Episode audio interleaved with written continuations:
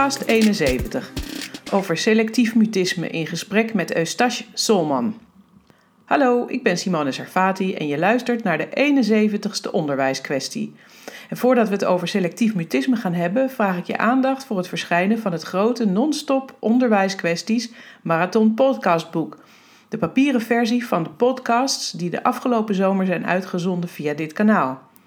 Bestelinformatie vind je op mijn website www.sarfati.nu boeken En dan nu snel door naar het onderwerp van deze podcast, selectief mutisme. Met Eustache Solman, ambulant begeleider en expert op het gebied van selectief mutisme, had ik het over wat selectief mutisme is, wat de behandelmogelijkheden zijn en de prognose. En ook vertelde hij over het boek dat hij over dit boeiende, maar nog onvoldoende bekende onderwerp aan het schrijven is. Welkom Eustache in de, van de onderwijskwestie. Ja, dankjewel. Wat ik iedereen vraag die, met wie ik in gesprek ga, zou je jezelf eh, willen introduceren? Ja, dat wil ik. Um, ik ben Eustache Solman. Ik ben uh, werkzaam als ambulant begeleider bij de Stichting Speciaal Onderwijs Twente en Oost-Gelderland. Ik ben daar in 1995 begonnen als, als leerkracht op toenmalig SMOK-onderwijs. Ik heb daar 10, 11 jaar uh, voor de klas gestaan. En eigenlijk de laatste twaalf jaar uh, ja, deel ik mijn expertise in het, in het basisonderwijs als ambulant begeleider. En, en zo ben ik ook eigenlijk uh, terechtgekomen bij, bij selectief mutisme. Er was een, uh, een collega van mij die ging verhuizen. Die had een leerling met selectief mutisme. En ik had daar nog nooit van gehoord. En ik denk, ja, dat kan eigenlijk niet, want je komt als expert op, uh, op de basisschool. En toen ben ik mij ja, heel erg gaan verdiepen in deze problematiek en ja, erdoor geraakt. En nou ja, zo zitten we nu uh, acht, negen jaar later uh, hierover te praten samen.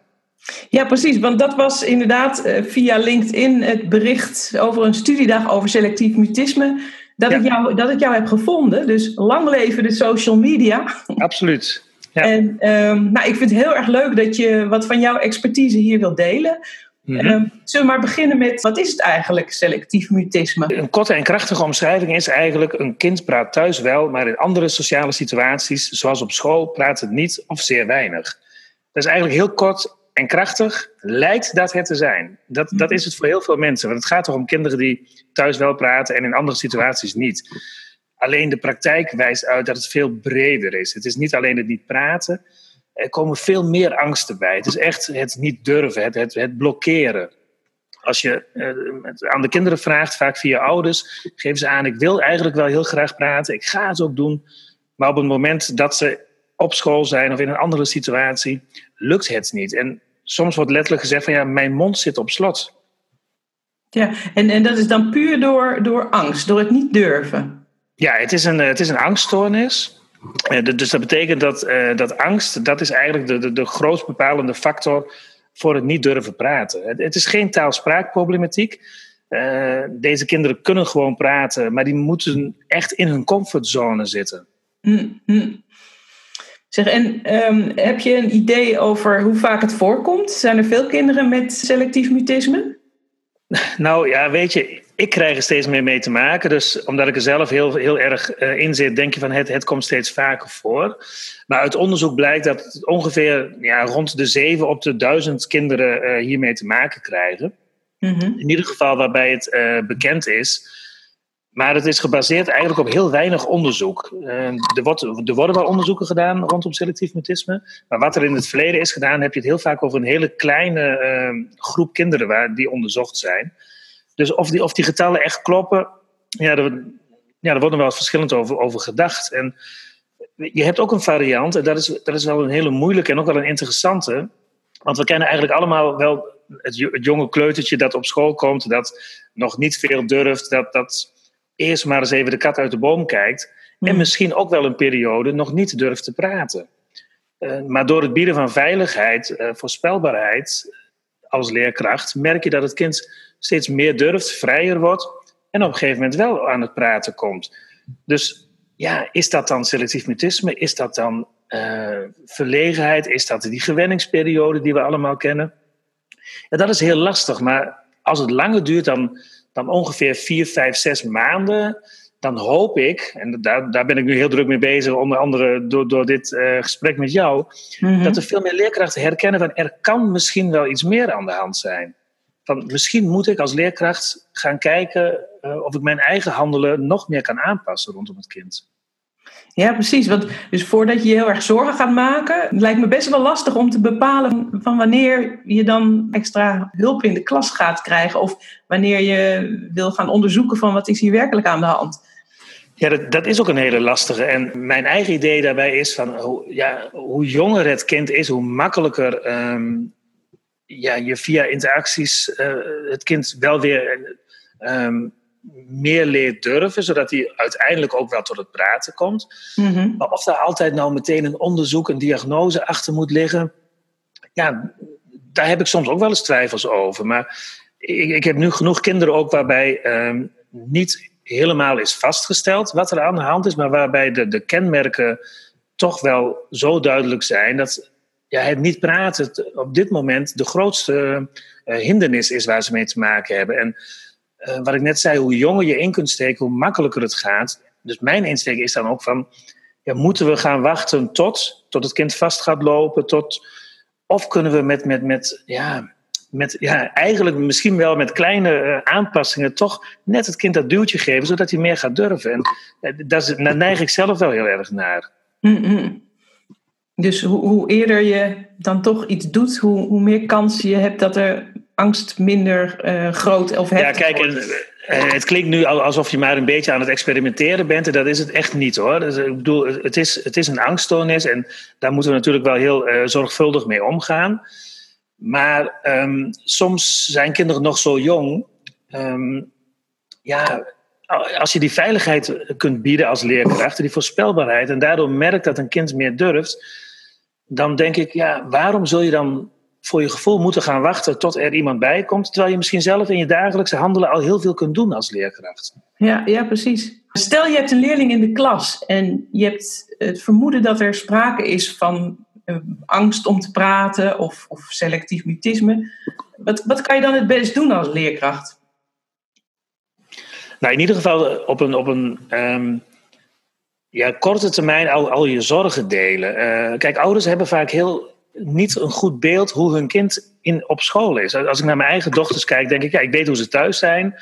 Um, maar ik hoor soms ook wel dat ze op school heel anders kunnen zijn. Uh, ja, thuis mag je, nou, mag je niet alles, maar durf je alles, laat ik het zo zeggen. Mm-hmm. En soms zie je op school natuurlijk dat een kind een, een heel ander, um, ja, een, op een andere manier functioneert. En um, als jij als leerkracht merkt dat, dat jij zorgen hebt, ja, deel het. Deel het met, met, met ouders, deel het met, met je collega, met een IB'er, met een ondersteuner. Maar vooral met ouders. Um, dat, dat vind ik zelf altijd heel belangrijk. En juist bij deze problematiek merk ik dat dat nog wel eens uh, ja, vergeten wordt. Dan lijkt het alsof het met opzet is, maar dat het niet wordt gedaan. Ook kan zijn een stuk onwetendheid van, uh, van de leerkracht. Um, en er misschien wel van uitgaan, oh, het komt wel, want ik heb wel eens eerder een kind gehad wat, wat ja, weinig zei, het, het heeft nog meer tijd nodig. Maar geef het aan aan ouders. Ga gewoon met een 10 minuten gesprek. Vraag hoe het kind thuis is. Want de ouders die hebben natuurlijk heel veel informatie voor jou als leerkracht. En misschien zijn er wel dingetjes die jij hoort van de ouders, waarvan je zegt van hé, hey, maar als ik dus dat of dat eens aankaart, of dat spelletje ga doen, misschien dat ik, dat ik hem of haar dan net over een bepaald stapje uh, kan krijgen. Dus als je twijfelt, gewoon met ouders in gesprek gaan, zeg je eigenlijk. Dat, ja, dat, dat, is, dat, dat zeg ik eigenlijk wel. Ja, weet je, kinderen met selectief mutisme hebben eigenlijk echt twee werelden. Thuis um, heel veel durven, soms ook wel te veel. Dat ze grenzen echt opzoeken, soms wel overheen gaan. Terwijl ze op school zich eigenlijk ontzettend in moeten houden. En dat is zowel voor ouders lastig om te begrijpen, maar ook voor leerkrachten is dat heel lastig. Ja, ik, ik, herinner me wel een, een, leerling die in een klas zat waar ik uh, een ander leerling begeleidde uh, op een school. En ik, ik, weet wel, ik had wel gesprekken met die leerkracht zo van, ja, je zou bijna gewoon helemaal die ouders niet geloven dat het kind thuis wel sprak. Nee, en daarom um, komt het ook nog wel eens voor dat dat inderdaad uh, vrij snel richting bijvoorbeeld logopedie wordt, wordt geadviseerd vanuit school. Of ook wel richting cluster 2, spraaktaalproblematiek. Uh, Want ja, wij horen op school niet uh, dat het kind kan praten. Dus er moet wel zoiets aan de hand zijn. Terwijl ouders denken van, nou, hoezo? het kind praat volop, misschien soms wel eens te veel. Dus ehm, ja, dan blijf ik eigenlijk zeggen van ga, ga op een, in een vroeg stadium dat, dat gesprek aan. En kijk, ouders kunnen natuurlijk heel snel even een filmpje laten zien hoe het kind thuis is, maar ook andersom. De, en dat kan soms ook helpend zijn. Dat, dat ook vanuit school wordt, uh, misschien wel een filmpje wordt gemaakt hoe het kind uh, binnen de klas functioneert. En van de ene kant denk ik, ja, dat kan heel confronterend zijn, maar het is wel, kan wel heel duidelijk zijn. En ja, als je dan het verschil ziet. Ik, ik leg het zelf vaak uit door met mijn armen een soort van weegschaal uh, uit te beelden. De ene kant is heel laag, de andere kant is heel hoog. En je ziet soms bij de lage kant, als dat school is, dat kinderen zich heel erg in moeten houden. Ze kunnen hun emoties eigenlijk niet uiten, kunnen geen, geen vragen stellen, geen antwoorden uh, geven. Op het moment dat ze thuis zijn, schiet dat eigenlijk omhoog. En zie je soms ook dat ze, um, vooral het eerste half uur uh, dat ze thuiskomen, heel explosief kunnen zijn. Dus het, het moet er dan ook echt, ja, het lijkt er echt wel even uit te moeten komen. Zoals jij het vertelt, dan zie ik echt voor me zoals of de kurk van de fles af moet. Dat is soms letterlijk wat, wat ouders ook zeggen. Van dan, dan, dan moet hij echt uh, even naar zijn kamer. Of uh, de ene die, die, die gaat uh, tien minuten lekker schommelen of op de trampoline springen. Een ander kind die, die, die wil juist even achter zijn, hoe heet het, zijn Nintendo of, of achter de tablet. Mm -hmm. In ieder geval even het, het rustmomentje. En niet meteen van, goh, hoe was het op school? En goed bedoeld natuurlijk, want bedoel, dat, dat doe je, hoop ik, als ouder. Maar um, ja, weet je, frustratieopbouw gedurende de dag uh, is wel even een dingetje. Dus de kinderen moeten ook soms een ruimte hebben om, om daarmee om te kunnen gaan. Ja, ja precies. Nou, je, je, geeft al wat suggesties. Ik vind het eigenlijk wel leuk als je iets zou willen vertellen over de aanpak. Waaruit bestaat jouw begeleiding, uh, Eustache? Nou, mijn begeleiding, wat, wat ik zelf doe, ik ben uh, denk ik in 2010 terechtgekomen bij uh, Kinderpsychiatrisch Centrum de Bascule in, in Amsterdam. Bij het AMC zit dat in de buurt. of in hetzelfde gebouw zit dat. En ehm, ja, zij werken met een behandelprotocol, praten op school een kwestie van doen. En um, ja, het is heel lastig, want hoewel ik geen, geen gedragstherapeut ben, ik ben echt vanuit het speciaal onderwijs ambulant begeleider.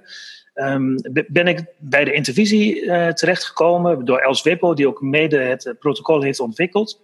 En ben op een gegeven moment bij die eerste leerling waar ik het straks over had, die is ook onderzocht in Amsterdam. Um, is daar de diagnose selectief mutisme achter gekomen. En is in het behandelplan is mijn naam toen opgenomen. Want ik, ik was al een tijdje bekend uh, bij, bij Els. Mm -hmm. En zij zegt, nou, wij, ik denk dat jij wel met hem aan de slag kunt gaan. En je hebt altijd, je kunt terugvallen op de kennis, op de expertise van de bascule. En zo ben ik toen de tijd eigenlijk met mijn eerste leerling begonnen. En nou, om een lang verhaal kort te maken, ik, ik heb in de loop der tijden denk ik tussen de 30 35 kinderen uh, gezien. En ook ja, voor een deel behandeld of begeleid met, uh, met selectief mutisme. En ik merk dat langzaam mijn um, insteek iets, iets ruimer aan het worden is, iets aan het verschuiven. Was ik in het begin heel erg gericht op het verbale. Um, nu ben je dat nog wel, maar veel meer in oefeningen waar het durven uh, het belangrijkste is. Dat betekent soms ook hele gekke dingen doen. Uh, als wij één op één zitten en we doen spelletjes, en ik, ik heb altijd een koffertje bij me met nou, van alles, serpentines, toetertjes, nou, noem, alles maar, uh, noem alles maar op. soms is het heel leuk om, om serpentines te blazen. Maar wat is nou nog mooier als je hoog staat? Dus dan zeg ik wel eens tegen, tegen het jongetje of het meisje van... weet je wat, zullen we eens op de stoel gaan staan? Zullen we eens op tafel gaan staan? Nou, dan moet je ze zien kijken. Dat kan toch niet? En we zitten nu in het kamertje misschien wel van de directeur of de IB'er. Nou, dan ben ik degene wie het voordoet. En uiteindelijk staan we daar met z'n tweeën op tafel... en blazen we die serpentines helemaal naar beneden. En dat is zo'n mooi, uh, mooi gezicht dat het kind die stap eigenlijk al, al durft te nemen... Dus je bent steeds meer bezig met, met het, het durven. Dus ook uh, juist door soms in, in gekke dingetjes te doen, um, het een beetje spannend te maken in de activiteit, vergeten kinderen soms hun angst voor dat ze iets niet durven. Omdat ze, ja, ze willen het eigenlijk wel, want het is veel te leuk wat we gaan doen. Dus, dus zo ben je spelende wijs, ben ik langzaam het accent iets gaan verschuiven. Het is niet direct die verbale reactie, nee. Eerst maar eens zien dat je in die veiligheid zit, in het durven. En dan merk je in één keer dat kinderen spontaan bijvoorbeeld wel geluidjes maken. En soms ook per ongeluk iets zeggen. En ja, dat, dat vind ik altijd heel mooi. En hoe minder uh, aandacht je op, daar, op dat moment aan besteedt, hoe vrijer ze blijven. Als je zegt, hé, hey, ik hoorde net dat jij, ja, pas, dan, dan is het weg. Dat is ja. veel te confronterend. Dan slaan ze misschien meteen weer dicht. Ja, maar, maar het mooie is wel dat je bijvoorbeeld een week of twee later uh, als je weer een activiteit doet, dat je wel kan zeggen: hey, weet je nog, vorige week ging het zo lekker goed dat jij zelfs even hardop hebt gelachen. Nou, dat, dat vond ik hartstikke leuk. En dan, dan is het wat minder confronterend. En dan zie je ook dat, dat, dat trotsen wel, wel terugkomen bij de kinderen. Oh, geweldig. Je laat het eigenlijk voelen, hoe ze zich ook veilig kunnen gaan voelen. Heel gelijk. Ja, want dat, dat is eigenlijk de basis. Als je hebt over wat, wat, wat probeer ik, um, maar ook wat kun je als leerkracht doen. Uh, ja, ik zeg altijd, ik was gisteren nog, nog op een school en toen zei ik ook van ja, veiligheid en duidelijkheid, dat moet je eigenlijk in hoofdletters schrijven. Dat geldt natuurlijk voor heel veel kinderen. Um, maar juist voor kinderen met, met angst, met, met selectief mutisme, is dat ja, nog belangrijker. Want pas als zij zich veilig kunnen voelen, dus eigenlijk een nieuwe comfortzone binnen school gaan, gaan krijgen, ja, dan gaan ze durven. Ja, ja. Gebruik je dan ook nog andere uh, hulpmiddelen? Bedoel je zelf serpentine, maar uh, werk je het ook uit? Of krijgen ze schriftjes mee? Of, of hoe ziet dat eruit? Ja, ik werk sowieso met een soort van heen, en weer schriftje tussen, uh, tussen mij en, en, de leerkracht. Want ik, ik kom dus wekelijks op school om daar de begeleiding te geven. Want je moet je eigenlijk voorstellen, als je een, een steentje in een, in een vijver laat vallen, waar, waar het steentje valt, en dan krijg je heel veel golven in het midden. En naar buiten toe worden die golven steeds minder en helemaal aan de randen is het, is het vlak. Nou, school bevindt zich in eigenlijk in het middenpunt, waar het steentje valt. Daar is het het moeilijkst, dus daar is de problematiek het grootst. Uh, en hoe meer je naar buiten toe gaat, en nou, uiteindelijk waar het helemaal vlak is, dat is thuis. Dat is de comfortzone. Um, wat je heel vaak ziet en ook hoort van ouders, op het moment dat je met het kind bezig gaat en je, je, je gaat met oefeningen bezig waardoor het kind meer gaat durven, lijkt het alsof het op school nog helemaal niks gebeurt. En dan hoor je in één keer van ouders: hé, hey, maar wat ons nu opvalt, en dan ben je bijvoorbeeld acht weken verder, ja, nu, nu bij ons thuis in de speeltuin, waar ze eerder alleen maar durfden te, te, te spelen met andere kinderen, hoor ik aan nu af en toe praten met andere kinderen. En ik, ik, kreeg laatst een mailtje van een moeder met een hele mooie foto erbij van, van, van haar dochtertje bij de tandarts. En zij zegt, ja, een jaar geleden moest ik haar nog vasthouden bij de tandarts. Ze durfde echt niet. En nu ligt dat meisje heel trots te kijken, zo de voetjes mooi over elkaar, in de stoel van de tandarts met een big smile. En dan denk ik, wauw, uh, het begint gewoon te veranderen. En ja, weet je, dat, dat komt niet, niet omdat ik toevallig bezig ben, tenminste, dat, dat, dat hoop ik. maar dat speelt, natuurlijk speelt dat mee. Maar vooral dat het kind merkt, um, ja, je mag er zijn zoals je bent, maar we gaan jou helpen om meer te durven. En juist in hoe, hoe, hoe, meer het kind dan nog richting zijn comfortzone zit, dat zijn de plekjes waar, waar eigenlijk de eerste stappen worden gemaakt. En, en langzaam komt dat, komt dat naar school toe. En dat vind ik altijd wel een hele mooie. Um, ja, dat hoor ik eigenlijk bij, bij, bij alle kinderen. vind ik een hele mooie ontwikkeling. Dat, dat eigenlijk het kind dan, dan toch zo sterk is. Ik denk dat sterk het juiste woord is. Dat, dat hij in één keer nieuwe dingen gaat durven in andere situaties. Het is wel bijzonder. Dus je, je, je geeft begeleiding op de school, maar ja. de resultaten zijn eigenlijk zichtbaar buiten de school. Nou ja, ze zijn ook zichtbaar buiten de school. Want het, is, het is een NN. Mm. Je ziet uh, dat, dat je in de individuele begeleiding en soms ook wel uh, met, met, een groepje kinderen, uh, dat het kind meer gaat durven. Ehm, maar je ziet tegelijkertijd, en dat heb ik in de loop van de jaren ervaren dat dat, dat zo is, dat het kind ook op andere plekken meer gaat durven. Dus het is echt een, een, een NN. En en omdat ik op school kom voor, voor een stukje begeleiding, geef ik ook oefeningen mee uh, die het kind samen met de leerkracht in de klas gaat doen. En dat is afhankelijk van hoe ver uh, ze bij mij zijn. Maar dat kun je bijvoorbeeld denken, uh, helemaal in het beginfase, aan, aan ja en nee knikken. Als de leerkracht wat vraagt. En uiteindelijk wordt dat ja en nee zeggen, of alleen ja, want ja is vaak makkelijker dan nee. We hebben het mhm. gemerkt. Ja. En, en zo ga je um, eigenlijk oefeningetjes meegeven. En dan ben je heel erg afhankelijk van de inzet van de leerkracht. Want die moet elke dag heel eventjes met het kind um, ja, aan de slag. En um, ja, het, het, lijkt eigenlijk lijken, lijken maar hele kleine dingetjes als je één keer per dag of twee keer per dag iets doet met het kind. Maar het is, het is heel gericht. En het geeft het kind wel steeds het, het vertrouwen van hé, hey, ja, het, het, lukt mij toch wel. En als het kind dan weer de, de week daarna bij mij komt, dan doe ik het schriftje open en dan zie ik, hé, hey, uh, ik lees uh, dat juf heeft opgeschreven, het, het, is al drie keer gelukt deze week. Dus huppakee, meteen bij mij een sticker. Zonder dat, dat ze eigenlijk bij mij nog iets heeft gedaan. En uh, je bent eigenlijk het, het gedrag wat, wat, wat lukt, dat ga je belonen. En wat niet lukt, ja, dat, dat, dat probeer je te negeren. Dan is het, nou, nou ja, het lukte nu nog niet. Maar we blijven het doen, want ik denk dat jij dat volgende week dat, dat, er wel een, dat het wel een keertje gelukt is. Want ik weet wel dat jij het kunt. Dus heel erg vanuit het positieve blijven. Ja, dat is natuurlijk sowieso voor kinderen heel fijn, maar in, ja, dit, ja, absoluut, ja. in dit geval gebruik je dat dus echt heel nadrukkelijk, wat ik je zo hoor zeggen.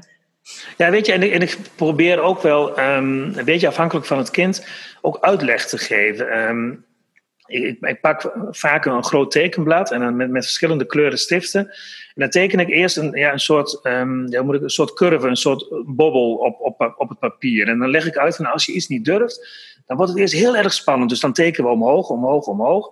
Ik zeg, en als je het dan niet doet, um, dan ga ik weer, teken ik weer naar beneden. Dus dan krijg je die curve. Ja, dan is het, gaat het spannende gevoel weg. En dat, mm -hmm. nou, meestal noem ik daar een paar voorbeeldjes bij. En um, ja, kinderen hebben dat eigenlijk wel heel goed door. Ik zeg, maar ja, dan lukt het dus niet. Nee, nee, nee. En dan pak ik een andere kleur en zeg maar, als we nu iets samen doen en dan tekenen we weer die curve omhoog, dan wordt het weer heel spannend, maar het lukt wel en dan gaat die curve weer naar beneden. En als die naar beneden gaat, betekent dat het, bange gevoel, het enge gevoel gaat weg, maar het is jou wel gelukt.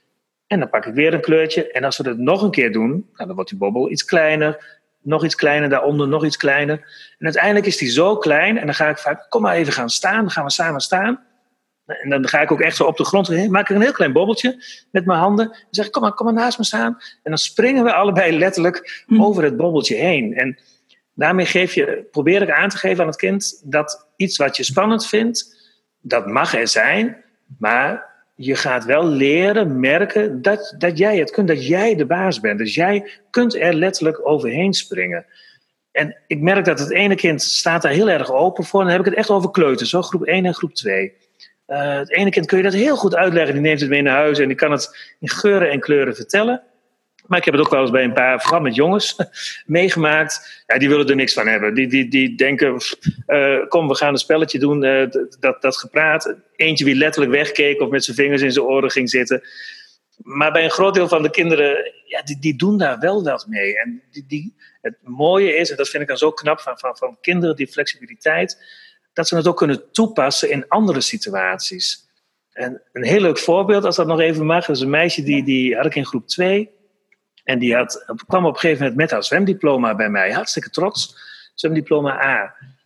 En ik wist van moeder dat ze, ze durfde maar steeds niet door dat gat heen te zwemmen hè, tijdens, de, tijdens de zwemles. Dus ik, ik vraag dat aan haar. Ik zeg, maar wat knap zeg, hoe kan dat nou? Want jij, dat gat was toch zo moeilijk? Ja, zegt ze. Maar bij de zwemles moest ik denken aan mijn bobbeltje. En ik denk, als ik maar bij, blijf oefenen, dan lukt het wel. Dus ik denk, wauw, dat je ja, als je zoiets mee kunt geven aan het kind, dat was voor mij echt zo'n zo kippenvelmomentje. Ja, ja zo'n zo'n levensles.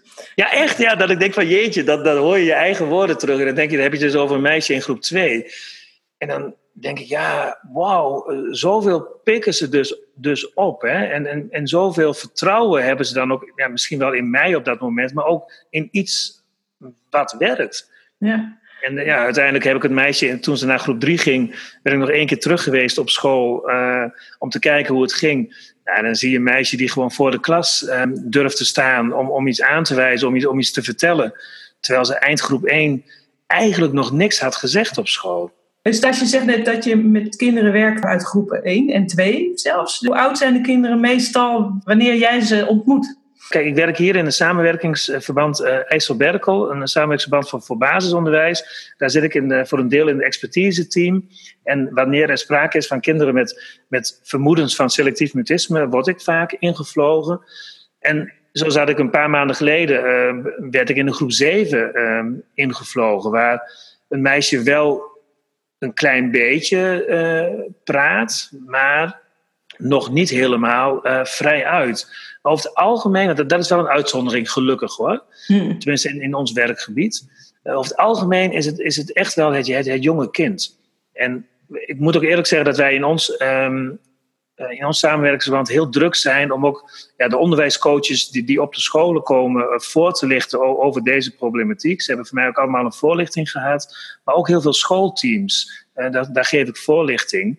En, en dan hoop ik dat, dat vooral leerkrachten in de onderbouw um, ja, toch net iets anders misschien naar, naar sommige kinderen gaan kijken. En misschien net, net iets eerder het, het, richting de IB durf ja, op, te, op te schalen, lijkt het dan wel. Van hey, is het niet verstandig dat er iemand meekijkt?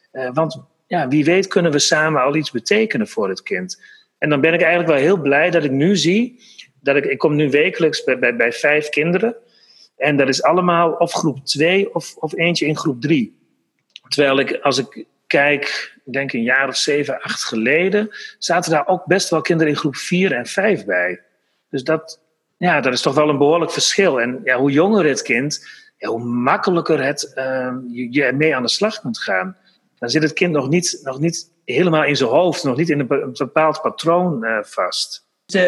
Preventieve werking eh, zie je ja, effect hebben eigenlijk ja. je ja, werk. Ja, ja. ja. ja want wat, wat ook heel erg mee kan spelen ehm, negatief voor het kind, is, is ze kennen mij als het meisje dat niks zegt. En stel dat jij dat al een paar jaar ehm, ja, steeds maar tegen jezelf eigenlijk zegt en je krijgt dat bevestigd. En je gaat merken dat je het eigenlijk wel durft. Ja, maar dan komt er een nieuwe angst. Hoe gaan de kinderen dan reageren als ik wat ga zeggen? Hoe gaat juf dan reageren? Want het is niet alleen maar dat ik iets ga zeggen als kind. Nee, juffen zijn altijd zo en meesters hé, hey, maar jij zegt nu wat, dan gaat er meteen eigenlijk weer een vraag komen. Dus, dus eigenlijk worden wij dan heel onvoorspelbaar. Terwijl je juist heel voorspelbaar moet zijn voor deze kinderen. En eh, ik hoor dat wel eens van ouders terug, dat, de kinderen thuis hebben aangegeven. Ik denk wel dat ik het kan en dat ik het wel durf, maar ik weet niet hoe, hoe de anderen gaan reageren. En, en dat is ook een stukje um, begeleiding voor, voor de rest van de klas, wat ik, wat ik probeerde. Gewoon uitleg te geven waarom ik kom voor deze jongen of dit meisje. En ook dat het eigenlijk heel gewoon is als die wel gaat praten. Want iedereen praat toch? En dan kijken ze, ja, ja, ja iedereen praat wel. Maar zij praat toch niet? Ik zie wel, ze praat wel, maar hier nog niet. Oh ja, oh ja, oh ja. En dan heb je een gesprekje over, over bang zijn en over angst. En nou, ik heb dan in één keer ben ik overal bang voor als voorbeeld. En dan komen alle kinderen wel met iets waar ze bang voor zijn. Over honden, over nou ja, noem alles maar op. En zo kun je heel mooi die link maken naar dat jongetje of dat meisje. Die op dit moment nog bang is om op school te praten. En dan snappen ze het eigenlijk wel heel goed. Ik weet niet zoveel over de behandeling van, van mhm. selectief mutisme. Maar kan het dan ook in een praktijk? Of, of zeg je van nou, het is gewoon echt aan te bevelen om het in de school te starten? Nou, het is. Um, starten kan op zich ook wel in een, in, in een praktijk. Maar stel dat je even weer die metafoor voor je neemt van een steentje dat in het water valt. Um, een praktijk, en of dat nou van een logopedist is of, of, of, of iemand anders, bevindt zich in, uh, in niet zo zwaar water zeg maar, als school. Dus dat betekent dat um, je heel vaak dan ziet, en dat heb ik ook al meegemaakt, dat in een praktijk ontstaat dan een nieuwe comfortzone. Uh, kinderen wennen aan, jou als, als therapeut, uh, als, als logopedist of een andere behandelaar, wennen aan de ruimte. Dus dan zie je soms dat het, dat het kind daar grote stappen maakt. Maar het gaat dan ook naar, om de vertaling naar school toe. En, en dat is een hele moeilijke, vooral als, als uh, behandelaars wel in, binnen hun eigen praktijk kunnen behandelen, maar niet de ruimte hebben om op school te komen. Um, wie helpt het kind dan om die vertaalstap te maken? En het voordeel als je uh, op school aan de slag gaat, en ook dat kan bijvoorbeeld door een logopedist, dat heb ik ook wel, uh, wel meegemaakt, of door een, door een gedragstherapeut of een andere behandelaar je, je begint op school, je begint niet meteen in de klas. Je zoekt een, een rustige, ja, veilige ruimte op binnen school. In hoeverre er sprake is van, van veilig, want het voor veel kinderen is alles nog spannend. Maar daar ga je aan de slag. Dus in een, uh, in, in, in een aparte ruimte, los van de klas.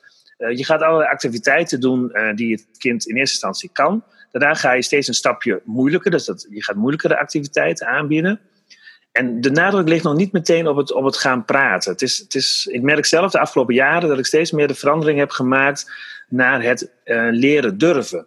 Want het stukje durven, daar gaat het eigenlijk om. Vanuit die, die, die uh, ruimte, de individuele ruimte, zeg maar, de individuele behandeling, ga je op den duur ga je richting die klas. Dus je gaat de deur openzetten. En de deur open lijkt een hele kleine verandering, maar dat is voor kinderen met selectief mutisme is dat een hele grote verandering. Want als die deur open staat, dat betekent als kind dat anderen kunnen mij zien. Anderen kunnen mij horen. Uh, anderen weten wat ik, wat ik doe. Uh, soms zie je dat een kind dan helemaal even terugvalt. Er zijn ook mhm. kinderen die zeggen, zet de deur maar open, dat maakt mij niet uit.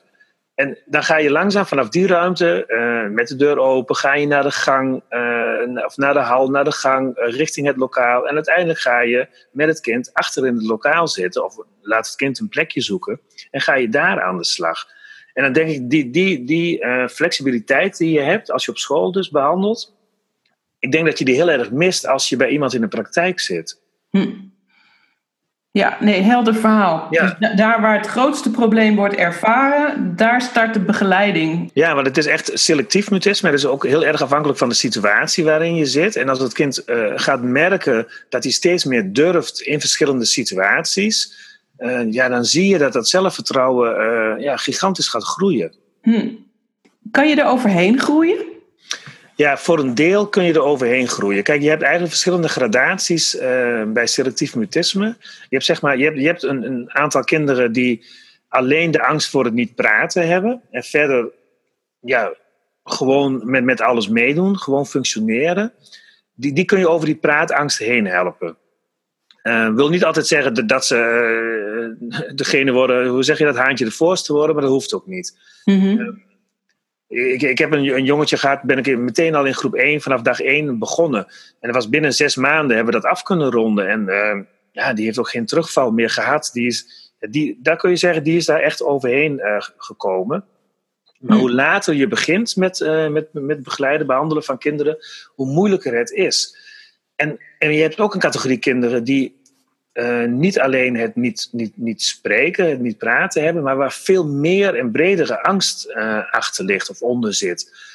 En ja, dan is het niet praten is maar een, is maar een deeltje. En ja, gaat het dan over? Ja, nee, want ik denk dat. dat kijk, de aanleg voor angst, daar, daar word je mee geboren en dat, dat, dat blijft bij je. Maar hoe meer je, uh, vertrouwen um, je in jezelf leert krijgen en ook kunt terugvallen op. En misschien wel door, door zo'n metafoor met een angstbobbeltje of maakt niet uit met wat. Hoe meer zelfvertrouwen je krijgt, hoe minder last je van je angsten hebt.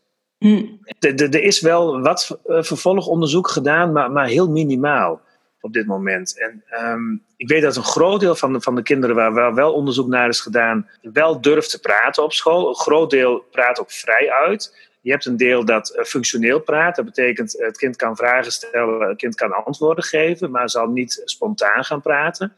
En je hebt een heel klein deel die, die, ja, waarbij dat niet lukt. En het, het, is wel zo dat hoe jonger uh, je kunt beginnen met een kind, um, ja, hoe makkelijker het gaat. Ik, heb, ik ben nu, zoals gisteren had ik een dag, heb ik vijf kinderen achter elkaar gezien. En dat zijn allemaal kinderen in groep 1, 2 of 3. En uh, het, het, mooie is dat, dat heel veel van de kinderen daar nog niet in een bepaald patroon vastzitten, in, in het denken vastzitten. En ja, dan kun je spelende wijs kun je heel veel.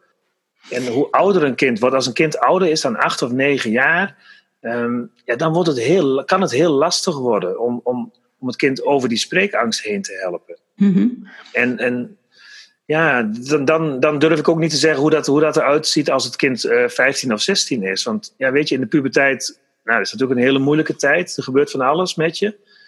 En dan zie je ook wel dat sommige angsten weer, zoals bijvoorbeeld sociale angst, uh, naar boven kan komen. Ben ik wel goed genoeg? Hoor ik er wel bij? Uh, ja, en als mhm. jij merkt dat dat spannend is, ga je ook weer minder praten. Dus ja, voor een deel denk ik ja, je kunt er overheen groeien. En voor een, een deel van de kinderen zal er altijd bepaalde struggle mee, uh, mee houden.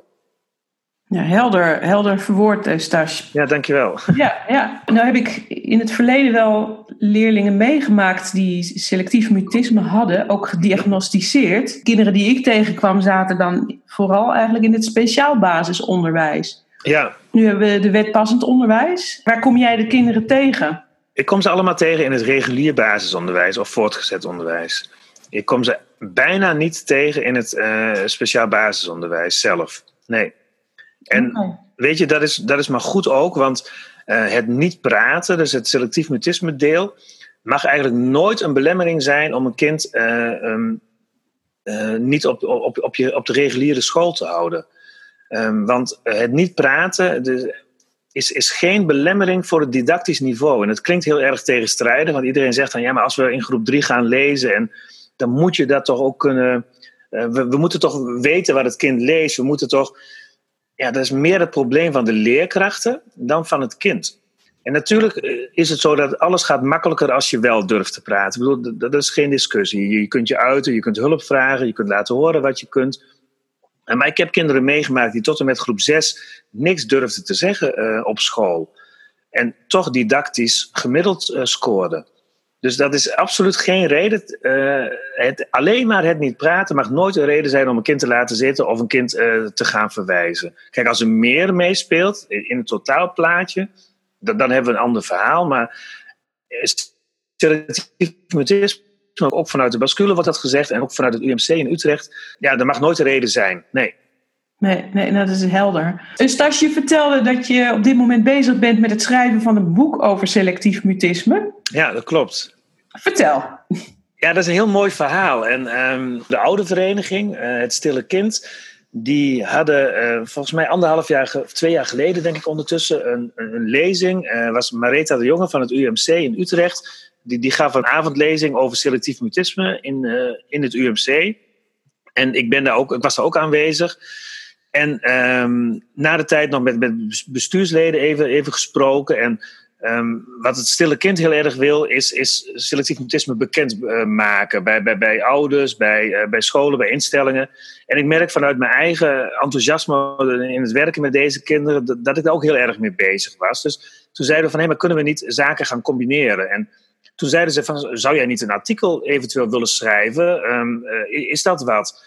En toen ben ik diezelfde avond of de volgende ochtend uh, heb ik een mail gestuurd naar de LBBO, de Bond voor Begeleiders in het Onderwijs. Ze hebben een blad Beter Begeleiden.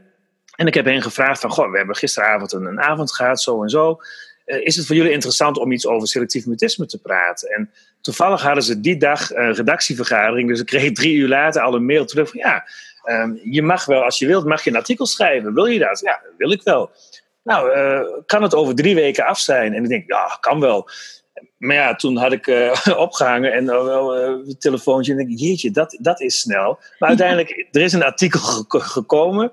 vorig jaar, oktober of september, is dat geplaatst. En ik merkte dat ik toen eigenlijk te weinig um, ruimte had om, om het, het hele verhaal um, te plaatsen. Dus ik heb eigenlijk zelf voorgesteld van mogen het ook twee artikelen worden. en dat is gehonoreerd. Dus ik ben, was heel blij. In oktober kwam een vervolgartikel uit. En het mooie is uh, dat die artikelen zijn, zijn opgepakt uh, uh, door, door uitgeverij Pika. En uiteindelijk, um, ja, we hadden, we hadden via, de, via Twitter contact. En toen zei Mark, de uitgever, zei van, maar kan ik je anders morgen even bellen? Ik had gevraagd van, goh, is het niet iets voor jullie om boeken te vertalen van het Engels naar, naar, naar het Nederlands over selectief mutisme? En toen belde hij mij, dat was een ochtend, ik had net een, een training gegeven op een basisschool. En onbekend nummer, ik denk, oké. Okay.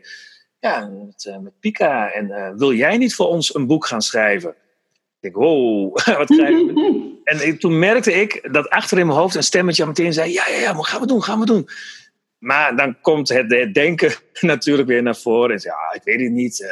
Uh, kan ik dat wel en dit en dat? En het was een heel mooi gesprek. En hij zei: Ja, maar we hebben, we hebben jouw artikelen gelezen. En laagdrempelig, heel praktisch. Ja, dat is wat wij wel willen. Dus wij denken wel dat jij dat kunt wil je er in, in ieder geval over nadenken. En tuurlijk, dat wil ik. En dus ik moest een aantal dingen op papier zetten, wat mijn idee was voor het boek. En op 3 mei zat ik uh, in, in Huizen bij de uitgever en hebben een fantastisch gesprek gehad. En ja, sindsdien ben ik, ben ik bezig. En ja, het is een heel nieuw avontuur voor mij, want dat ben ik natuurlijk helemaal niet gewend om dat te doen. Mm -hmm. Dus ik heb nu een aantal momenten in de week uh, gepland waar ik echt uh, s'avonds uh, me afzonder. ik heb een ruimte van een vriendin wie, wie een eigen bedrijf heeft, waar ik s'avonds heen kan. Heerlijke plek om te werken. En ja, ik ben, ben, heel druk bezig met het boek om, om een boek te gaan schrijven. Ja. Geweldig, dus dat is een heel praktisch gericht boek. Ja, het is. Um, het hoofdstuk wat het grootste gaat worden, is, is inderdaad van een kind met selectief mutisme in de klas en, en wat nu, zeg maar. Dus een, ongeveer de strekking van, van het verhaal. De insteek is, is dat het een praktisch boek wordt, gericht in eerste instantie op uh, leerkrachten, uh, andere begeleiders die, die werken met kinderen met selectief mutisme, maar zeker ook aandacht uh, voor ouders. Er komt ook een hoofdstuk inderdaad over thuis. Dat nemen we uiteraard mee. Al zal dat wel minder aan bod komen dan het deel op school. Um, want op school zie je natuurlijk een bepaalde overlap hè? In, in, in, in kenmerken, in ook, maar ook in adviezen richting leerkrachten. Mm -hmm. Ik merk in de contacten met verschillende ouders die ik heb, dan gaat het heel specifiek. Dan gaat het niet meer over een kind met selectief mutisme, maar gaat het over hun kind. Dus dan komt het, wordt het heel specifiek. En uh, natuurlijk ga je met ouders in gesprek daarover. Geef je ja, adviezen voor zover ik ze kan geven voor de thuissituatie. Maar dan merk ik dat het bij elk gezin, bij elk kind, bij elke ouder, ja, zijn de vragen heel anders. Elk kind is heel anders. En ja, ik denk, weet je, ik moet me ook gaan beperken in, in, in, mhm. waar mijn kracht ligt. En dat is echt wel eh, de begeleiding op de scholen. Dus, dus dat, dat wordt het eigenlijk het voornaamste deel uh, van het boek. Ja, precies. Zeg, en wanneer uh, heb je de deadline? Nou, het mooie is dat ik op dit moment geen deadline nog heb. Ik, ik word heel erg vrijgelaten daarin.